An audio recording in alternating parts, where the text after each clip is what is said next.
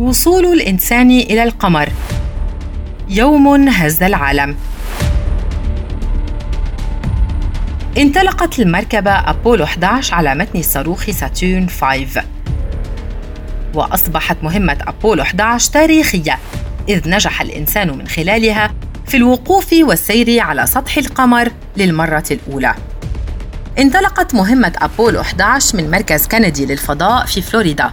ووصل الرواد أدوين ألدرين، نيل أرمسترونغ ومايكل كولينز بعد ثلاثة أيام إلى القمر. وبعد إجراء انعطاف حوله ظهرت بعض الصعوبات للنزول في المكان المحدد. إذ انفصلت المركبتان واختلطت إشارات رادار الهبوط بإشارات رادار اللحاق بالمركبة الفضائية التي تسبح في المدار فوقهم. غير أن أرمسترونغ أمسك قيادة المركبة القمرية بنفسه. وقام ألدرين بقراءة الحاسوب وهبطت المركبة بهدوء على سطح القمر. فاتصل أرمسترونغ بمركز قيادة رحلات الفضاء قائلاً هيوستن هنا قاعدة الهدوء. هبط الإيجل.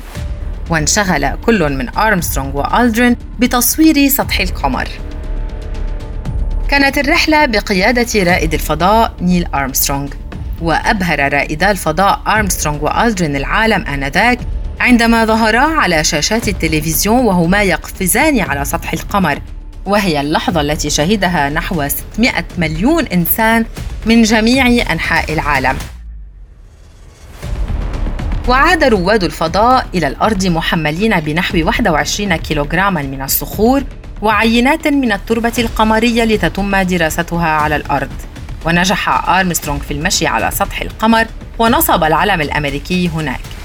إلى أن المركبة القمرية التي هبط بها على القمر أسقطت العلم خلال إقلاعها للعودة على الأرض.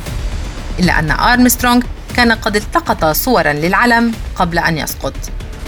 كان ذلك في العشرين من يوليو عام 1969